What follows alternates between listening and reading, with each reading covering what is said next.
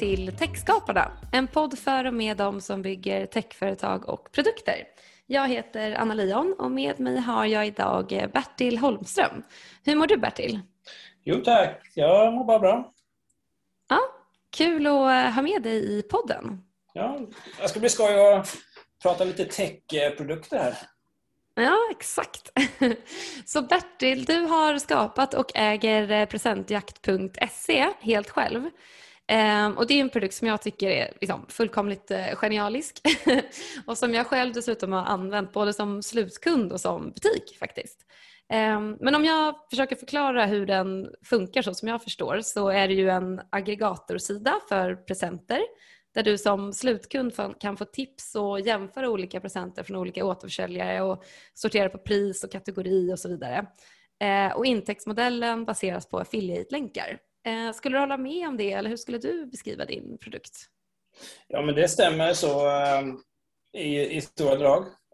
Det som, just det här med affiliate-länkar, det var ju så som, det, som sajten startades då, 2007, så det är ett antal år sedan nu just affiliate-modellen är ju ett lätt sätt att komma igång och få upp någonting och, liksom, och inte behöva liksom, skapa alla de här eh, relationer till, eh, till butiker och så här.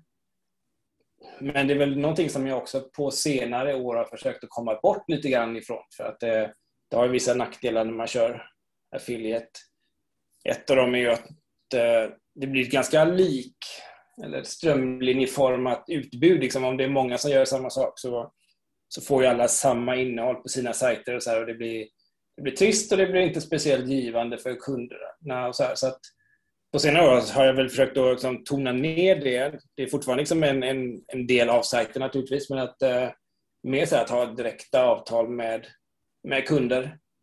För då kommer man åt, då kommer man åt eh, produkter som, är, som, som, ja, som inte finns som affiliate-program och som är liksom lite roligare och som gör sin egen produkt lite mer unik. och Så, här, så att eh, ja, så idag är det liksom en blandning av de, av de två modellerna. Då.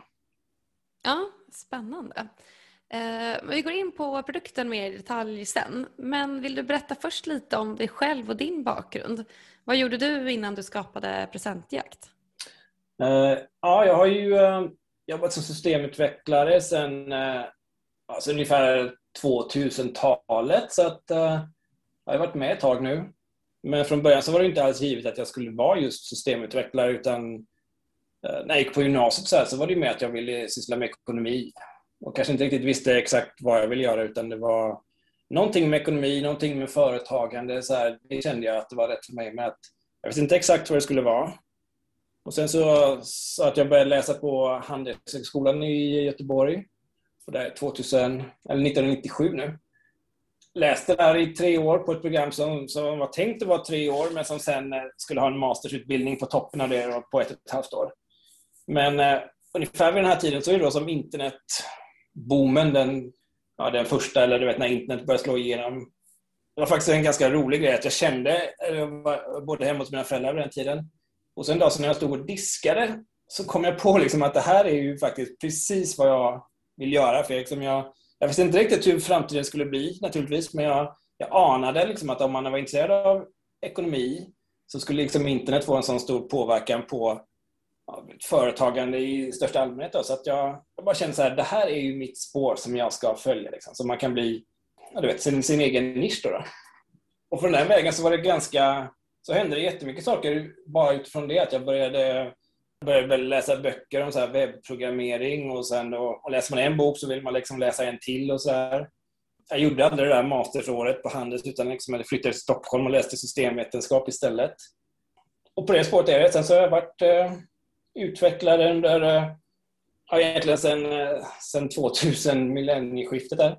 Och eh, har jobbat liksom både i Tyskland och Sverige och olika typer av projekt och Ibland har jag varit anställd, ibland har jag varit egen konsult och så. Här. Så att, ja, på den vägen är det.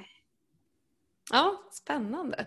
Vad, du säger att du eh, började programmera där. Vad, vad var den första produkten som du byggde själv så att säga? Oj, det kommer jag nog inte riktigt ihåg där. Utan I början så var det ju bara att man skulle lära sig liksom hur... Eh, I början var det ju bara att lära sig... Ja, med hemsidor och...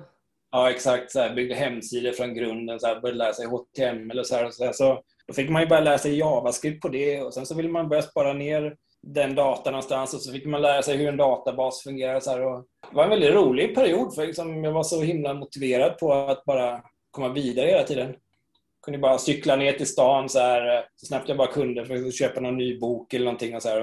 och sen så cyklade jag lika snabbt hem bara för att plöja igenom den och liksom lära mig någonting nytt. Så att jag visste kanske inte att jag skulle bli så fast i det, men det, det visade sig att det var rätt beslut. Det blev din grej? Ja, exakt. Gud, Gud vad härligt att, att höra när man blir så där otroligt eh, passionerad och uppslukad i ett ämne. Men hur kom, hur kom eh, liksom idén om presentjakt in i bilden? Ja, det här är ju 2007 då, då jobbade jag på Price Runner i eh, Stockholm.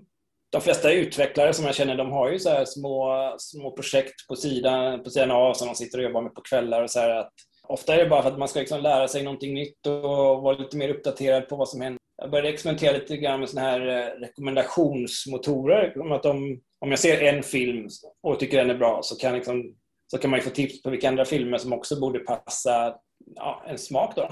Och så tänkte jag så att ja, men det här skulle man kunna göra på presenter också. Från, eh, från Price Runner så var jag ju, eh, fick jag en hel del input just på liksom, så här, affärsmodeller där man kanske ja, aggregerar saker och sen kan ta betalt om man, om man liksom samlar den trafiken och skickar till olika sajter. Och så här, så det blev liksom en liten, eh, en, en liten kombo där som, eh, som jag började jobba med. Ja, men exakt. För det, alltså just den här nischen med, med presenter tycker jag är så himla smart. För att eh, det är någonting som är supersvårt. Kunden, man är liksom nära till köp. Man vill liksom få det avklarat snabbt. Eh, man kanske är mindre priskänslig för att man, ja, det är bara jobbigt att köpa till andra personer. Så man vill helst ha rekommendationer på det. Så jag tycker att det är en sån himla liksom, genialisk eh, aggregatorsida. Så hur, hur kom du fram till att det är just presenter du skulle bygga en produkt för? Det var egentligen bara, det var nästan en slump just då för att jag, för att jag liksom ville utforska det här, det här biblioteket då för rekommendationer och så tänkte jag att presenter passar ju bra. Men sen så har jag ju, jag tycker själv att det kan vara jobbigt just med presenter att att man ska vara kreativ och ofta liksom under tidspress och så här, och så vet man inte riktigt vad som passar. Och, ja, jag tror helt enkelt att jag ville ha en sån sajt själv som jag kunde gå till och liksom få så blandade tips. Och just lite grann att, att alla skiljer sig åt. Så att, uh, man har ju vissa kompisar som är sportiga och så har man vissa som uh, har helt andra intressen och så här. Och, liksom, och till mamma och pappa. Så, så att, uh, jag såg väl en möjlighet att skapa någonting som jag själv skulle kunna använda helt enkelt. Mm. Scratch your own itch som man brukar säga. Jaha. Eh, men hur gick det där i början då? Du säger att du startade upp det som ett eh, sidoprojekt. Men hur, hur lanserade du och hur fick du in liksom, de första besökarna? Ja, I början så trodde jag ju att det här skulle vara klart på en tre månader. Någonting. Jag tänkte att ah, ja, men jag, jag bygger det här och så kan hur svårt kan det vara? tänkte jag. hade väl liksom inga såna här stora förhoppningar att det skulle bli eh, en jättegrej. Utan jag såg ju så här, om jag kan få det här att funka så är det, ja, för det första så är det roligt och spännande att se om det går om man skulle kunna få in liksom lite pengar i varje månad så här som eh, ja, lite bonuspengar så hade det också varit roligt. Då. Men det var ju aldrig tänkt att det skulle vara någonting som eh, ja, skulle förändra mitt liv eller liknande utan det var liksom ett hobbyprojekt där i början. Och, mm, det är så coolt. Ja, och från början, ja, från början så var det ju inte just marknadsföring och så, utan det var ju helt enkelt bara att bygga en sajt som, eh, som låg uppe så att folk kunde hitta den och så med hjälp av sökmotoroptimering så här, försöka få in lite trafik och så här. Och det var ju saker då som jag hade börjat lära mig just på, på Price Runner. Och, och sen försökte jag läsa på där själv, liksom hur man gör och vad man ska tänka på. Så, så att det, det började med väldigt lite trafik från början. Att man, man kommer in på något nyckelord, så liksom bara är lite trafik och sen så kommer man in på något till. Och så här, och, och, det är först på senare år, eller, eller det tar ju lång tid att från scratch bygga upp någonting som faktiskt rankas ganska bra Vi sökmotorerna liksom på, på svåra nyckelord. Då. Mm. Exakt, jag kollade upp det här lite för, för lyssnarnas eh, bakgrundsinfo så är det eh, 17 000 som söker på doppresent varje månad, 10 000 som söker på present till pojkvän, 8 000 söker på studentpresent. Ja men ni fattar, det, det, är ju liksom, det här är verkligen någonting som, som efterfrågas för det, det är ju svårt. Och du rankar högt, alltså organiskt på väldigt många av de här. Så hur, du säger att du jobbat med det över tid och så, men har du något knep som du vill dela med dig av? Jag har inget sånt där knep som ingen annan känner till tror jag. Liksom ett, tag, ett tag så, så läste jag ju mycket såna här sökmotorbloggar och så här och, och gjorde vad de sa. försökte alltid hålla mig så här white hat eller göra, göra saker som, som, som jag visste skulle vara okej okay i Googles ögon. Och det är väl kanske en av de där stora sakerna som jag, som jag fastnat för också. Att, eller om man, om, man läser, om man läser de bloggarna så blir det ofta att, att man ska inte försöka att, å lura Google på något sätt utan det tog jag väl fasta på utan liksom försökte köra mig så så schysst som det bara går. Liksom, och naturligtvis använda de knep som finns, men framförallt att bygga, men bygga bra sidor som jag tror att folk vill komma till och sen så ha rätt kategorier och bygga rätt sidor och så, här, så att man kan fånga upp den här söktrafiken. Men jag har ju aldrig använt någonting som, som ligger så i, i grå gråzonen riktigt. För, för jag tror att man... Det finns inga genvägar. ja, det kanske finns några, men liksom, rätt som det är så, så kommer Google liksom täppa igen den, eh, genvägen och så mm. står man där. Liksom, så har man en sajt som inte, som inte fungerar. Liksom. Ja, nej, men så är det ju verkligen, för det är ju föränderligt det där också. Och det går lite trender i och så vidare. Man vet ju inte, det är ju en svart box liksom, eh, Googles algoritmer. Mm. Eh, men det, det, är superintressant. Eh, men hur, nu har vi fått lite ledtrådar kanske redan, men hur kom du på namnet Presentjakt? Oj, det är så knappt att jag kommer ihåg hur det... Det är ju egentligen det som jag som sajten gör, liksom, letar en jakt efter presenter. Så det var väl ganska givet att, att någonting åt det hållet. Men sen så, här, så att jag, jag bollade säkert lite olika namn, men uh, jag tror att namnet kom ganska snabbt. Det gäller ju att, uh, att det är ledigt och så här också och, att, och det var det. Så att jag registrerade och så körde jag på det. det var, och jag tycker, att det är, jag tycker att det är ett bra namn som håller fortfarande idag. Så det känns ändå som att det var rätt beslut. Då.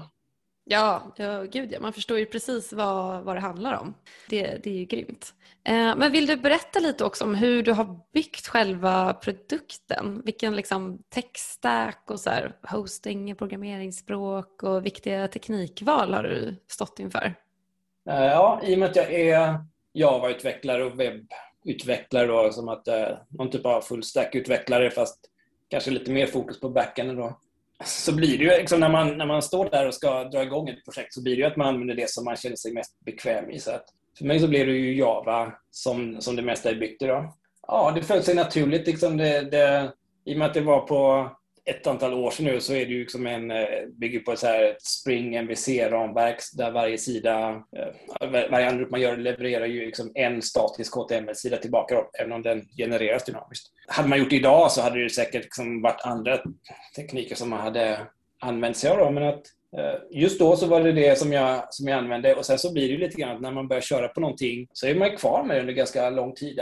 Idag är det så mycket kod som är, som är skriven så att det skulle vara svårt och liksom ta så mycket tid att ändra om. Då, så att, ja, nu, är, nu är jag lite grann så fast i, i vad jag började med och det fungerar, fungerar väldigt bra nu. Liksom, det är en stabil plattform. Och jag, liksom, när, man är, när man är ensam och kan göra liksom, de, sina egna val, då kan man också se till att kvaliteten blir precis så som man vill ha den. Och det är väl en av de, en av de stora, det som är kanske så roligt när man har ett sånt här projekt, att man, att man får fatta sina egna beslut och det finns ingen som säger åt en vad man ska göra utan man får, eh, ja, det är ett väldigt roligt sätt att jobba på. Och sen så, sen så har det lite nackdelar också då, just att, att man inte har någon som kanske ifrågasätter vad man håller på med eller att som, någon som kanske kollar på någon annan teknologi och tycker att det här borde vi använda istället. Så att man, risken är att man såklart snöar in på det som man har gjort länge och sen liksom inte riktigt byter över till någonting som egentligen skulle passa bättre. Men...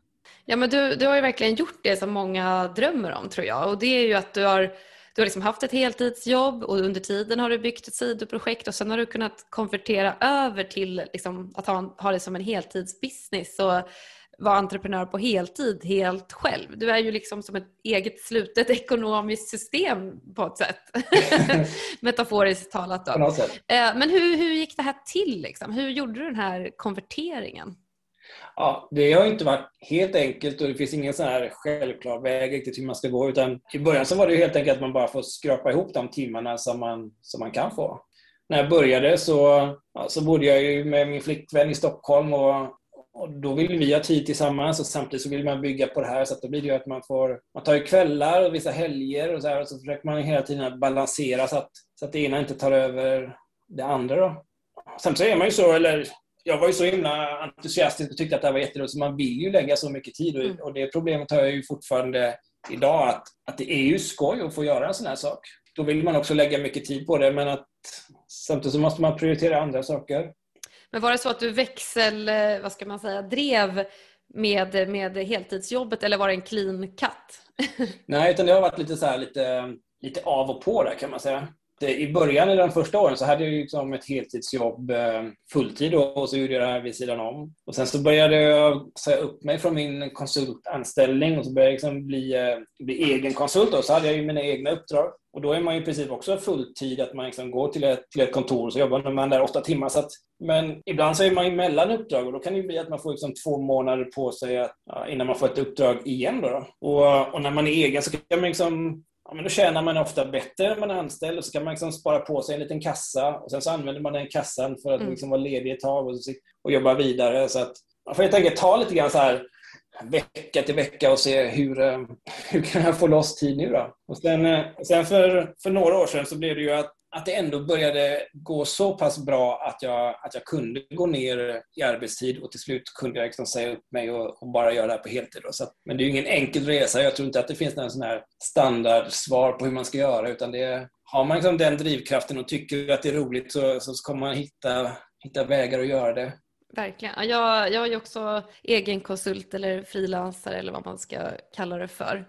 Så jag vet precis vad du pratar om. Det här med att vara ledig emellanåt, det är så härligt. Men vad är bäst med att vara självförsörjande? Jag kallar dig för självförsörjande om det är okej. vad är bäst med, med att vara självförsörjande? Framförallt så är det ju flexibiliteten och friheten som man får. Och, och det här projektet har väl alltid varit liksom ett litet sånt där eh, ett sätt att bygga sig en livsstil som, eh, som, man, som man trivs med. Och det är verkligen inte alltid som att det är liksom en dans på rosor, men just att kunna styra över sin egen tid och är nog det som har liksom varit, varit det viktigaste.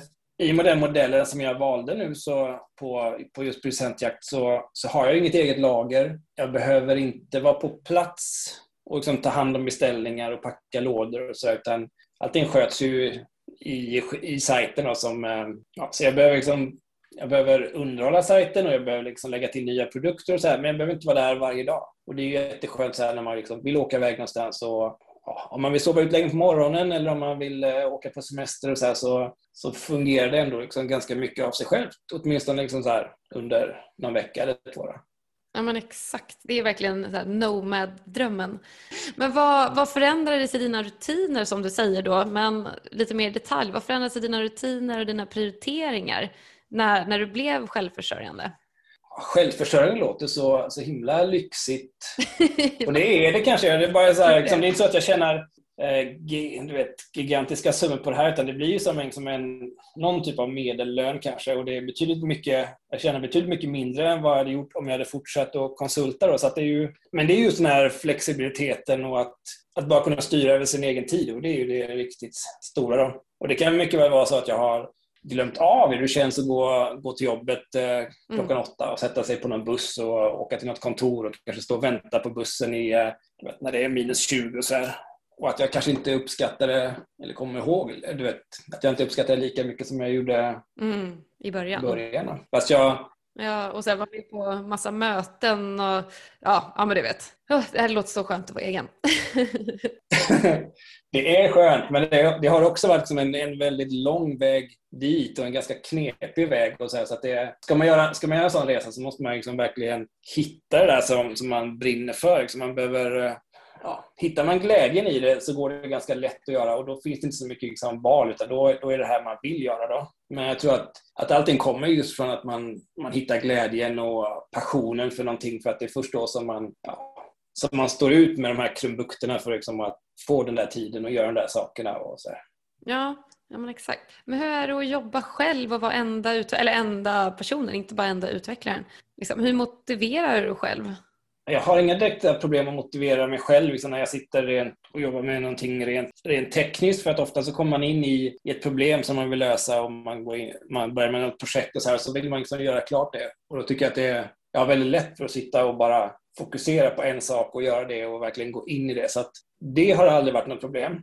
Lite grann relaterat till den frågan ligger ju att det gör ju också att, eller en av mina stora svagheter och en av de där sakerna som jag tror hade hjälpt mig mycket är ju om man hade haft någon till med sig i projektet som kunde komplettera lite grann. Nu har det blivit så att jag har, jag har suttit och programmerat mycket och så kommer man på saker som man vill göra och, och verkligen brinner för liksom att att göra det här. Men samtidigt finns det, liksom så här, det finns ju tio mm. saker som man borde göra samtidigt också. Då. Några av de sakerna som jag har varit sämre på är ju helt enkelt att marknadsföring är en av dem. Eh, sälja in till nya kunder är en annan. Ja, det är så lätt liksom att, att en sak tar över och så är det liksom det man det man lägger tiden på för att det är där man liksom tycker, det är det man tycker är roligt och det är där som man brinner för. Precis. Man måste ju vara alla de där, ha alla de där hattarna i sitt egna bolag. Ja. Men hur är det till exempel med testning? Eh, det är ju väldigt skönt att få liksom extern verifiering både på koden i sig men sen också använda tester. Men du har ju byggt allting själv. Hur, hur, har, hur har du gjort med testningen? Ja, det är ju två, det är två helt olika saker. Den, att testa koden och sen att testa den sajten som man, som då, som, som man ser, eller som besökarna ser. Och kodtestningen har inte varit några problem. För den, eh, om man har en viss stil att programmera och liksom tycker om att göra liksom saker som, som håller hög kvalitet och så, här, så, så tror jag att testning av det kommer på köpet. Så liksom att det är väl testat, själva, själva koden då, liksom i, i systemet. Men det kanske är ännu mer intressant just det här med att man testar att man, att man bygger rätt produkt. Och där, eh, där har jag väl inte varit så bra som jag önskar. Då. Det, som, det som händer ofta är att man, att man bygger en, en sajt och så tänker man så här, eller målsättningen hela tiden varit att jag vill bygga Sveriges bästa presentsajt. Och så tänker man så här, då ska, då ska det finnas med det här och det här och det här och det här. Och så försöker man liksom kanske sno ihop någonting utifrån liksom en teknikers perspektiv. Att ja, om jag taggar på det här sättet och om jag, liksom, om jag lägger upp produkterna och kategorierna på det här sättet så kommer det bli jättebra. Men slutresultatet kan ju bli liksom en produkt som, som faktiskt inte blir så, så självklar att använda. Då. Där har jag försökt att använda, framförallt har jag testat mycket så på mina vänner och liksom min familj och så här, liksom hur, eh, om jag har byggt någonting nytt, att ja, men du, kan du köra igenom det här så får vi se hur det fungerar. Resultatet av det är ju ofta att man, att man blir förvånad där. Oj, du tänker, på, du tänker på det här sättet eller att det, ja just det, så kan man göra också då. Egentligen så är väl en, en, eh, en tanke som jag, som jag vet är rätt eller som jag vet att jag borde följa bättre, att, liksom, att verkligen testa tidigt och testa mycket just mot slutanvändare och framförallt då mot folk som kanske inte känner till sajten sedan tidigare. Mm. Och att testa tidigt kan ju vara så enkelt som att man liksom drar upp några mockups i något eh, designverktyg och säger så här att hur skulle du göra i det här läget? Bara för att få feedback så snabbt det bara går, liksom, vad, vad som verkar rätt då.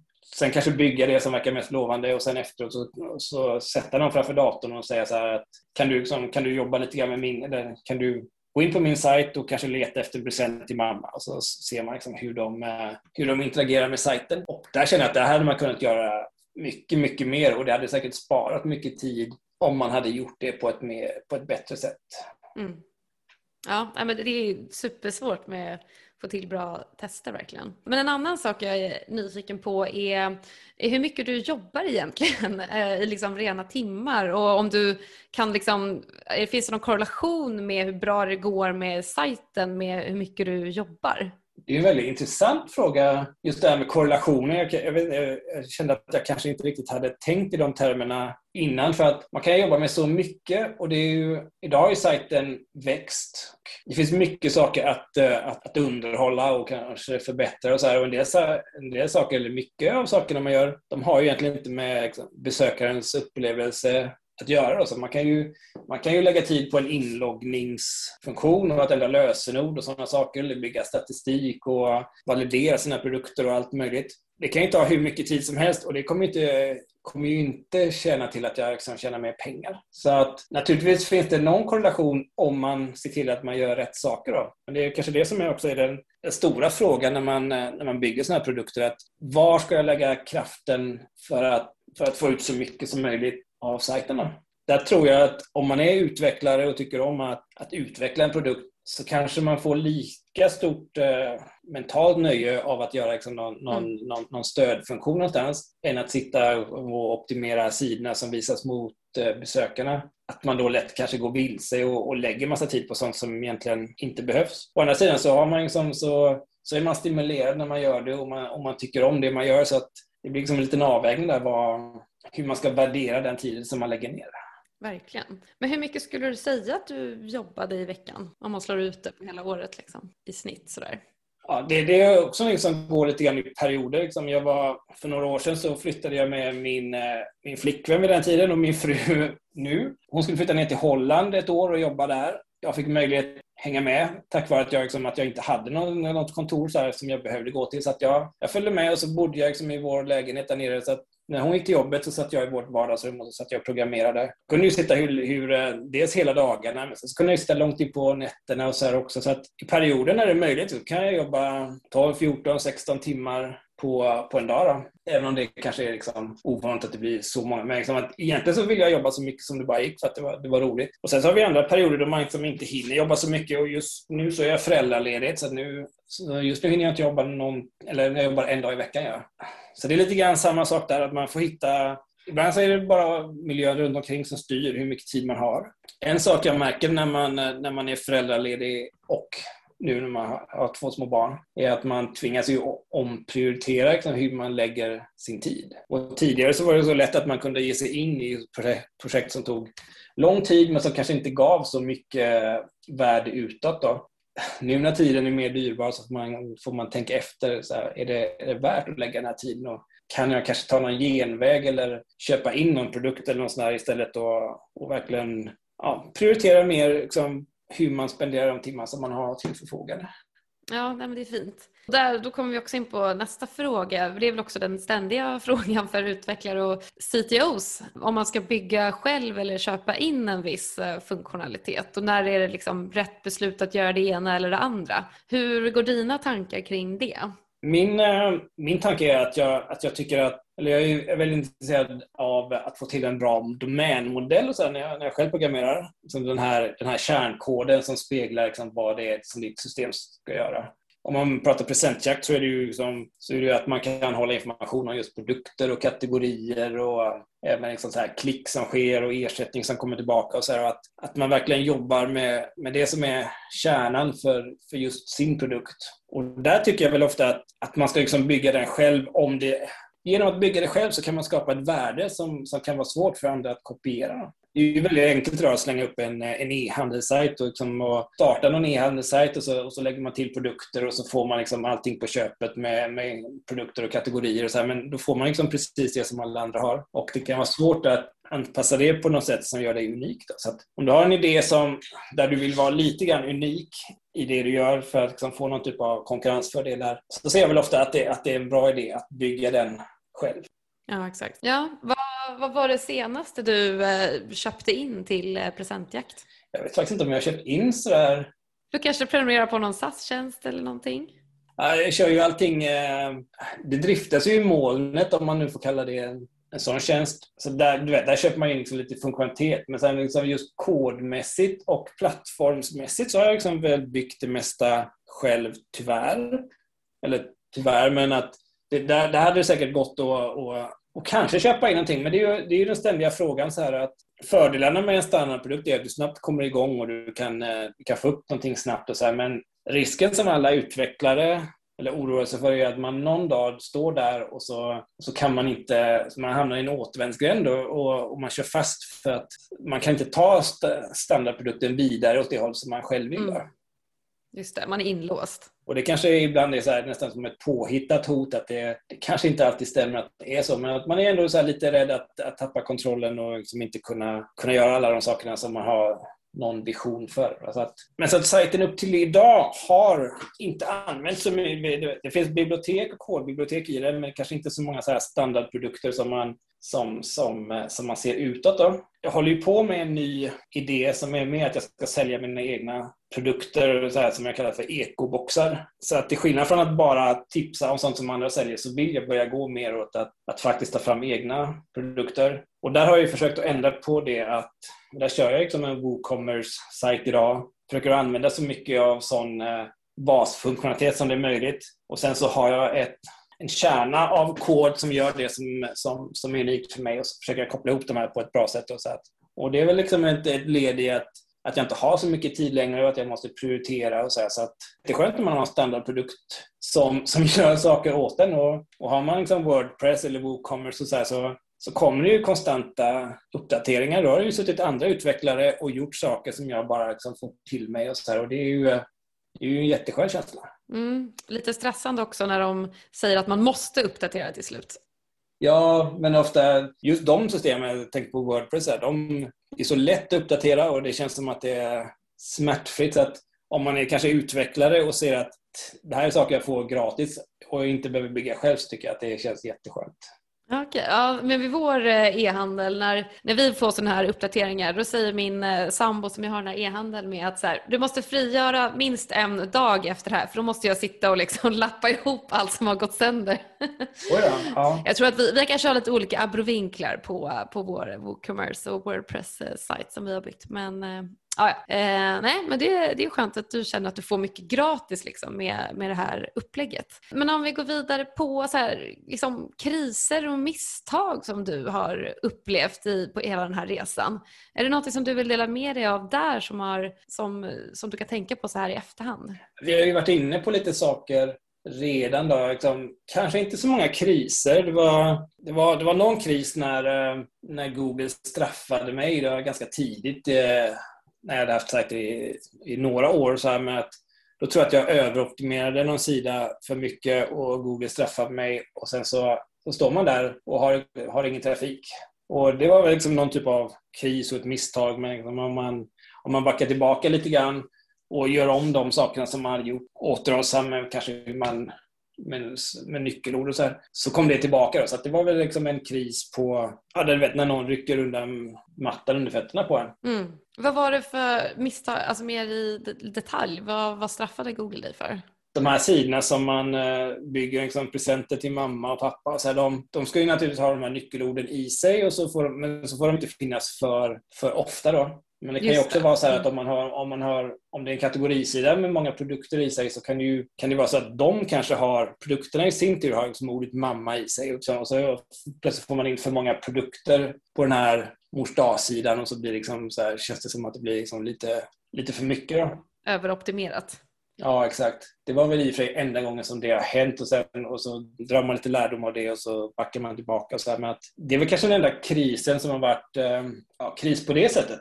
Och, då, och du, märkte, alltså du märkte det genom att du föll i eh, liksom organisk, eh, organisk ranking så att säga? Ja, exakt. De sidor som kanske rankade på första sidan eh, normalt då, de, de var plötsligt på, på sida 10 tror jag, som var klassiskt då om man hade blivit eh, straffad enligt någon viss algoritm och så, här, så att, eh, och då ser man ju också kanske lite grann så hur, hur eh, eh sårbar en sån affärsmodell kan vara. Och det är väl också som någonting som man, som man försöker komma ifrån på lite olika sätt, att, att inte vara så beroende av Google. För det är ju, eh, de ändrar ju ständigt liksom sina, sitt, hur de arbetar och, och, de sätter ju själva sina spelregler och så, här, så att det är, är sårbarhet att vara så beroende av, av en aktör helt enkelt. Verkligen. Och så är det ju fortfarande med, med Google. De är i princip eh, monopol såklart. Ja. Ja, men vi har pratat lite om eh, SEO eh, och en eh, viktig del av eh, SEO som jag satt och höll på lite grann när jag själv faktiskt var sugen på att bygga en sån här aggregatorsajt. Sen skeppade jag aldrig den. Du vet, kanske hur det är med projekt, att man liksom aldrig riktigt för, äh, avslutar vissa projekt. Ja, ja, visst. Men jag var sugen på det ett tag äh, och höll på med det. Då satt jag och ritade upp äh, kategoriträd och så här, taggträd för att liksom optimera vilka presenter som skulle falla under vilka kategorier. För det är också en del av liksom, SEO-arbetet tänker jag. Hur, vad är dina, har du liksom någon filosofi om hur du bygger upp dina kategoriträd och taggträd och så vidare? Jag har haft eh, filosofi tidigare och, och, det är väl det som liksom kanske syns på sajten idag då, att det finns eh, att man just har sidor för de, de stora sökorden eh, och söktermerna. Så att, ja, men nu vill jag ha någonting till mors dag, till fars dag och, och kanske och, så här, och något romantiskt till sin pojkvän eller flickvän. Och så mm. Men det, det, har ju funnits på plats eh, under lång tid så att senaste tiden så har jag inte gjort så mycket med med det och jag tror, och nu har, jag inte följt med så bra i, i eh, SEO-världen de sista åren, men det som jag fastnade för var liksom att om du, om du bygger en bra sajt som, eh, som folk gillar att återkomma till liksom, så, så kommer det synas. Och, och med hjälp av AI och allt det där så har ju Google blivit bättre på att, att liksom med AIs hjälp förstå vilka, vilka parametrar det är som gör liksom en bra sajt. Så att om du bygger någonting som är bra och folk gillar det så tror jag att det i sin tur kommer göra liksom att, du, att du rankas hyfsat. Och Sen kan du säkert spetsa till det på alla möjliga sätt men att för mig så har jag nog liksom nått en nivå där jag tycker att ja, jag har inte jobbat så mycket aktivt med det på de senaste åren utan mer så att om jag, om jag får dit bra grejer och, liksom, och träffar intressanta eh, butiker då, som jag kan lägga upp och så här, att det i sin tur kommer göra att, att att sajten blir populär och rankas upp. Liksom. Och, och någon är väl så här att om du, om du går i Googles eh, söklista eller sökresultat och så klickar man till, till lite olika sajter och, och ju snabbare du hoppar tillbaka desto sämre kvalitet antar väl de att den sajten har. Och, så här, och kan jag få mina besökare att stanna kvar och tycka liksom att det här verkar intressant så, så tycker jag, tänker jag att det är en av de stora, att det kanske är en av de mest värdefulla effekter man kan uppnå. Då. Det, ja, det blir ju lite av en så självuppfyllande profetia. Men, eh, men vi pratade också där lite i början som jag tyckte var jättespännande att du, har, att du kör både liksom affiliate-program och sen att du också har direktavtal med vissa butiker. Kan du berätta lite mer om hur du jobbar kring det? Ja, det började ju som sagt med, med affiliate-avtal för att det är liksom ett enkelt sätt att komma igång. Bara liksom att man bara registrerar sig hos en sån affiliate-mäklare och så kollar man vilka program som verkar vara aktiva och så, och så går man till dem och plockar ut produkter som verkar passa in på sajten och så här och så. Och om man då leder besökare till den sajten och, då, och det genomförs ett köp så får man ju provision på det. Och det är ju, det är smidigt och enkelt så här, men det blir lite, det blir lite tråkigt liksom, för det finns ju många som gör liksom ungefär samma sak. Då är det mycket roligare om man lyckas få in en butik som, som inte jobbar med, med affiliate avtal och så här, utan de, man kontaktar dem och säger så här, hej, får jag lägga upp, eh, får jag tipsa om, om, om det som ni säljer? Och, och varje gång som någon klickar till er så, så, så betalar ni liksom en liten ersättning till mig som är ofta några kronor. Då. Ett tag så var det, eller, för, och sen så vill man ju kunna jämföra de här, liksom, alltså att för, eller fördelen med att man tar betalt per klick är ju helt enkelt att det är, att det är lättare, ett lättare sätt att komma igång. Man behöver inte ha några eh, cookies som, som håller koll på var trafiken kommer ifrån och så här. Och man behöver liksom inte ha någon rapportering av gjorda försäljningar och provision på det och så här. Som, och själv vill jag ju kunna automatisera så mycket som möjligt så att om jag, om jag får affiliate-ersättningar så vill jag att systemet ska kunna gå och läsa in dem och plocka in dem i statistiken och på något sätt liksom att nästa dag så har man liksom bakat in det liksom i, i sin statistik. Eh, klick är mycket enklare. Man, man sätter ett pris och så, så varje gång någon klickar ut från min sajt så får man liksom så många kronor. Då. Problemet är väl att man ska att man gärna vill att de här två världarna ska kunna mötas på något sätt. Och själv så har jag löst det genom att, att jag sparar alla sidvisningar som, som görs per produkt. Så att om jag visar en, ehm, jag säger så här på mors dag då, för det har nyss varit mors dag. Och så kan jag se liksom att den här produkten har visats 5000 gånger, den här den här produkten har visats 8000 gånger. Och så kan man jämföra liksom hur mycket ersättning de har gett i förhållande till gjorda sidvisningar och så får man liksom en jämförelseindex som man kan använda för att jämföra mot varandra. Så att det finns liksom sätt att, att binda ihop två olika världar så att man ändå liksom så jämför dem på samma sätt. Och, och har man, har man affiliate-statistiken att utgå ifrån så kan man ju se att ja, men i snitt så är, så är det värt 5 kronor när någon klickar på en länk. Och då blir det lättare liksom att ta den siffran och gå till någon sån här direktkund och säga liksom så här, så här säger statistiken att ett klick är värt och så, får, och så börjar man där och ser om, om du vet, eller det kanske blir liksom så ett första försök för dem att säga sen skulle det här funka för er? Och sen så får de eh, följa upp den trafiken som kom från presentjakt och liksom säkerställa liksom, eller verifiera att ja, den är värd 5 kronor. Eller så är den värd 3 kronor eller så är den 8 kronor. Och så kan man justera det där efter tid. Då. Så, du, så det kan vara så att du liksom går andra vägen, att du, du, du har hittat en intressant butik, du ser vad de har för några produkter på sin sajt och du bara liksom tar bilden, skriver en egen presenttext, eh, tar in priset och liksom exponerar den på din sajt för dina besökare och skickar vidare kunder och sen i efterhand kommer du och säger till butiken att så här, ja men kolla vad jag har liksom lett så här många till er sajt, vad vill ni betala för det? Alltså, eller är det, är det så det kan funka? Uh, nej, utan uh, det börjar alltid med att man... Uh, ett sådant samarbete hade ju börjat med att jag surfar runt och hittar deras sajt och tycker att det här hade varit intressant att, att tipsa om. då. Och så kontaktar jag dem och frågar så här, skulle ni vara intresserade av att finnas med på presentjakt och i så fall så skulle vi använda det här upplägget och så här. Och så och säger de förhoppningsvis... Så du frågar om lov liksom? ja, exakt. Och så vi, då måste vi ha liksom, ett litet avtal eller någon överenskommelse för att köra igång. För, att, för då säger de så här, okej okay, vi, vi testar liksom, att du du får fyra kronor per klick kanske. Och, eh, och så testar vi och så finns det, finns det möjlighet ja, så kanske vi kör i några veckor och så får de säga så här, så här mycket trafik kan vi generera. Och, och sen så kan de stämma av så här att om, om de får 100 besökare och 10 av dem köper någonting så kan man liksom börja räkna på, okej okay, då var varje klick värt så här mycket i genomsnitt och så. Så att det ett ganska enkelt sätt att komma igång. Liksom. Det, kräver, det kräver egentligen bara att man har liksom en liten uppstartssession, att man, eller vet, man kommer överens där i början och så, så kör man några veckor och så stämmer man av och så ser liksom hur, det, hur väl det fungerar. Och så, kan, så kan man justera liksom, priser och så utifrån det. Då. Alltså jag vet ju själv, eftersom vi också faktiskt har våra produkter på din sajt, eh, att vår vår liksom marknadsföringsbudget, det är ju otroligt dyrt med Instagram och Facebook och AdWords och allt det här för vår produkt. Vi, har ju te, vi säljer ju te då, eh, för lyssnare som inte vet. Så, så har vi både liksom prenumerationsboxar och presentboxar. Men det jag ville komma till är att hela vinstmarginalen kan ju verkligen ätas upp av Facebook och Instagram och alla de här lirarna. Det, det, liksom, man kan ösla hur mycket pengar som helst på det här. Men de aggregatorsajterna som vi eh, samarbetar med, liksom dig bland annat, det är ju så här, det är ju, vi vet vad vi får eh, och vi betalar bara för vad vi får och det känns, det funkar liksom. Det har alltid funkat bra. Så det, det har verkligen varit en, eh, ett superbra sätt för oss eh, att få ut våra presentboxar. För liksom, det är inte så vanligt att man hittar till den här produkten liksom, via oss, för vi rankar ju inte själva högt på någonting som har med present att göra. Men, men med er hjälp så, så hittar de, så kanske de bara, ja oh, men gud, te är ju en jättebra present till mormor eller vad det nu kan vara. Eh, så det är så himla smart att få lite draghjälp där och inte för så dyr kostnad heller. Ja, och det är ju precis så som man hoppas liksom, att det ska fungera. Att de flesta kan ju liksom inte ranka för de här eh, svåra sökorden som just present till mamma eller pappa eller liknande.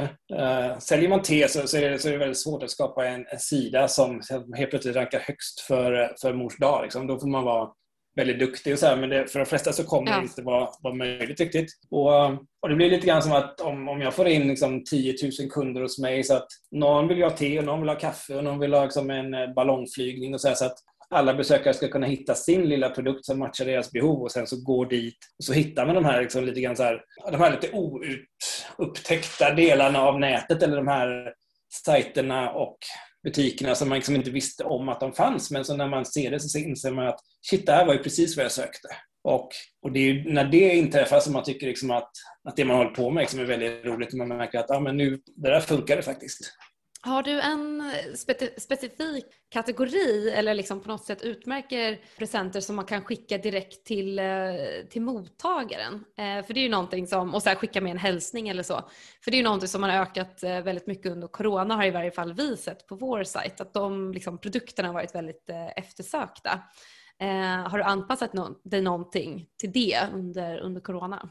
Uh, nej, det har jag faktiskt inte. För det, och det, det, låter som en jättebra sak att göra, men lite grann så sammanföll ju det här med föräldraledigheten och då fanns det inte möjlighet att göra sådana saker. Det finns en kategori som, som är så sista minuten, att om man har bråttom så, så kan man få upp en lista på sånt som, som går att köpa just då. Liksom. Ofta så får man ju att man kan, att man kan skicka det till, eh, eh, ofta digitalt då, till, eh, till den som fyller år eller vad det är. Eh, men inte exakt på det sättet som du beskrev där, men det, ja, jag tycker det var ett bra förslag. ja, det finns massa förslag från, från den här källan. Nej, jag bara skojar. Ja. men du, berätta lite också om hur det funkar med säsonger. För jag tänker att presenter är otroligt, vi har pratat om mors dag här och sådär, men såklart jul och, och så. Hur, hur funkar det med säsonger på presentjakt? Är det så att du anpassar dig efter om det är jul eller? Ja, naturligtvis. Att det, det är ju julen som är den stora, den stora högtiden. Också. Och en trend där har ju varit liksom att tidigare så var det december som var eh, den stora månaden där, där det, allting rampades upp. Liksom. När det var två veckor kvar till jul då var det ju högtryck verkligen. Det man ser nu och det som, det som också tidningar så har rapporterat om är att mycket kommer så här i november redan och det är Black Friday och så här som Även om jag själv inte gillar konceptet speciellt mycket och brukar inte pusha för det så. Men, eh, att folk handlar betydligt tidigare och att det är liksom lite jämnare kurva. Det är ju fortfarande att det sticker iväg ganska rejält liksom i, så här, trafikmängd och så under november, december. Men att, att det är lite, att det, att fler kommer in i november, framförallt kanske slutet av november och ja, kanske är tidigare ute helt enkelt. Och för min egen del så försöker jag att, såklart att, att hitta pro, produkter som passar bättre under julen. Uh, jag aktiverar, det finns ju speciella kategorier då för så här, julklappar till mamma och pappa och så här, och att de aktiveras när vi kommer nära jul och så här, så att det, det, är klart att det sker en, en förändring på sajten. Så här. Sen kanske jag inte har gjort lika mycket som en del andra sajter gör som verkligen så här stylar om um, ja, men, rubbet att, med bakgrund och kanske flingor som dalar ner och så här. Utan, uh, Hela skyltfönstret. Ja, exakt. Ja. Men vill du eh, beskriva situationen när du eh, fick din första kund och hur det kändes? Liksom, när du förstod att så här, wow, det, man kan faktiskt tjäna pengar på det här?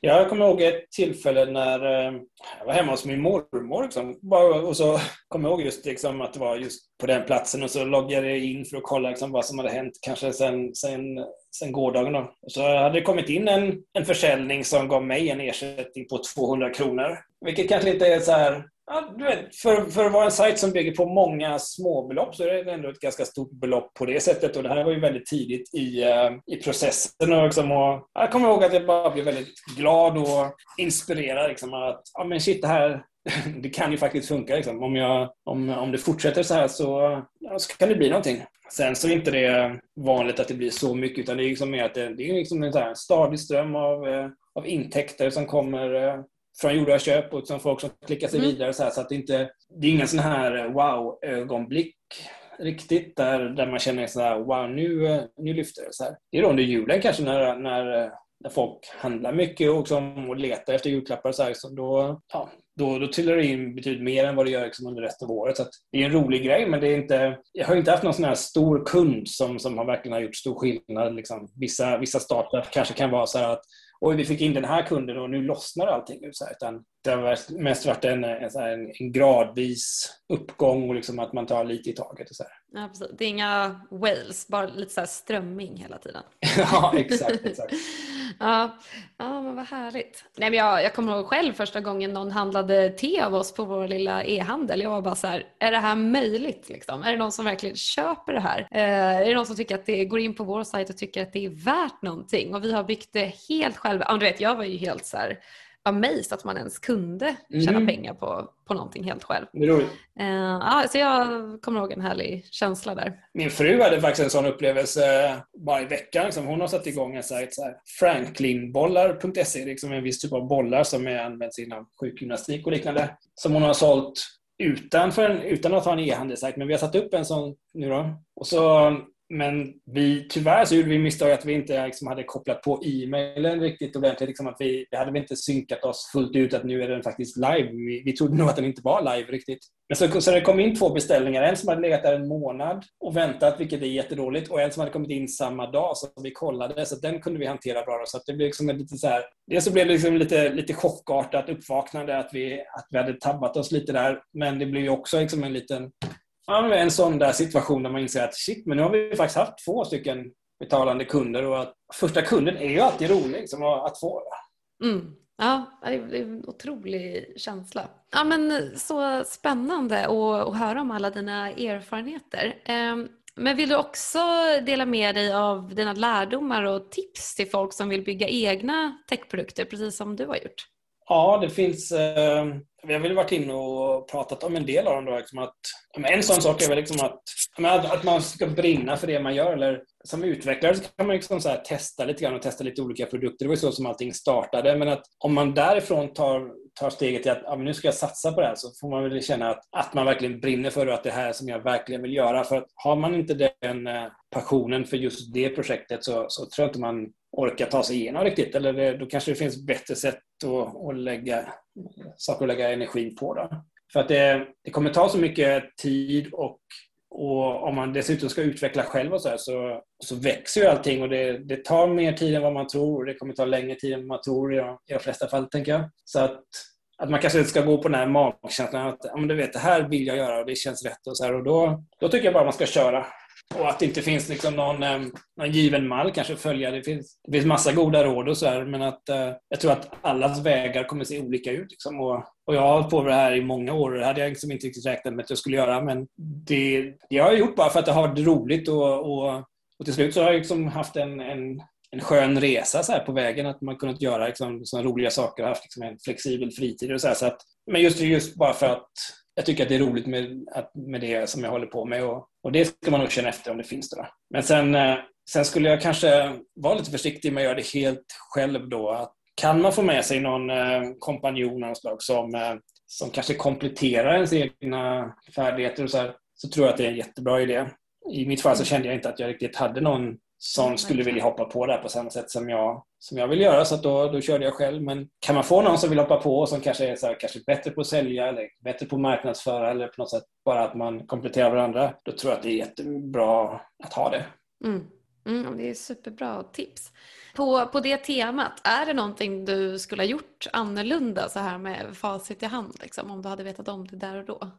Det är lite svårt att säga. Jag tycker, jag tycker liksom att jag har gjort en del misstag och felprioriteringar. Liksom att det har varit för mycket teknikfokus. Att, uh, att kanske programmera saker som kanske inte riktigt behövdes. Det kan också vara att man har, att man har gjort saker som man tror kommer bli jättebra men sen så när det släpps mot kund så, så inser man att nej men du vet det, det funkade inte riktigt så bra som jag, som jag trodde. Då. Hade man kunnat testa det här tidigare och verkligen så iterera fram till en, eh, till en produkt som folk verkligen säger wow på och tycker att det här är jättebra. Liksom. Då är man ju verkligen någonting på spåret. Så det är väl liksom en av de stora lärdomarna att, att jag hade kanske hade jag kunnat backa bandet så hade jag nog försökt att ta fram liksom mer av en prototyp och verkligen känna så här, är det här någonting som du skulle vilja använda? Och, eh, och så där.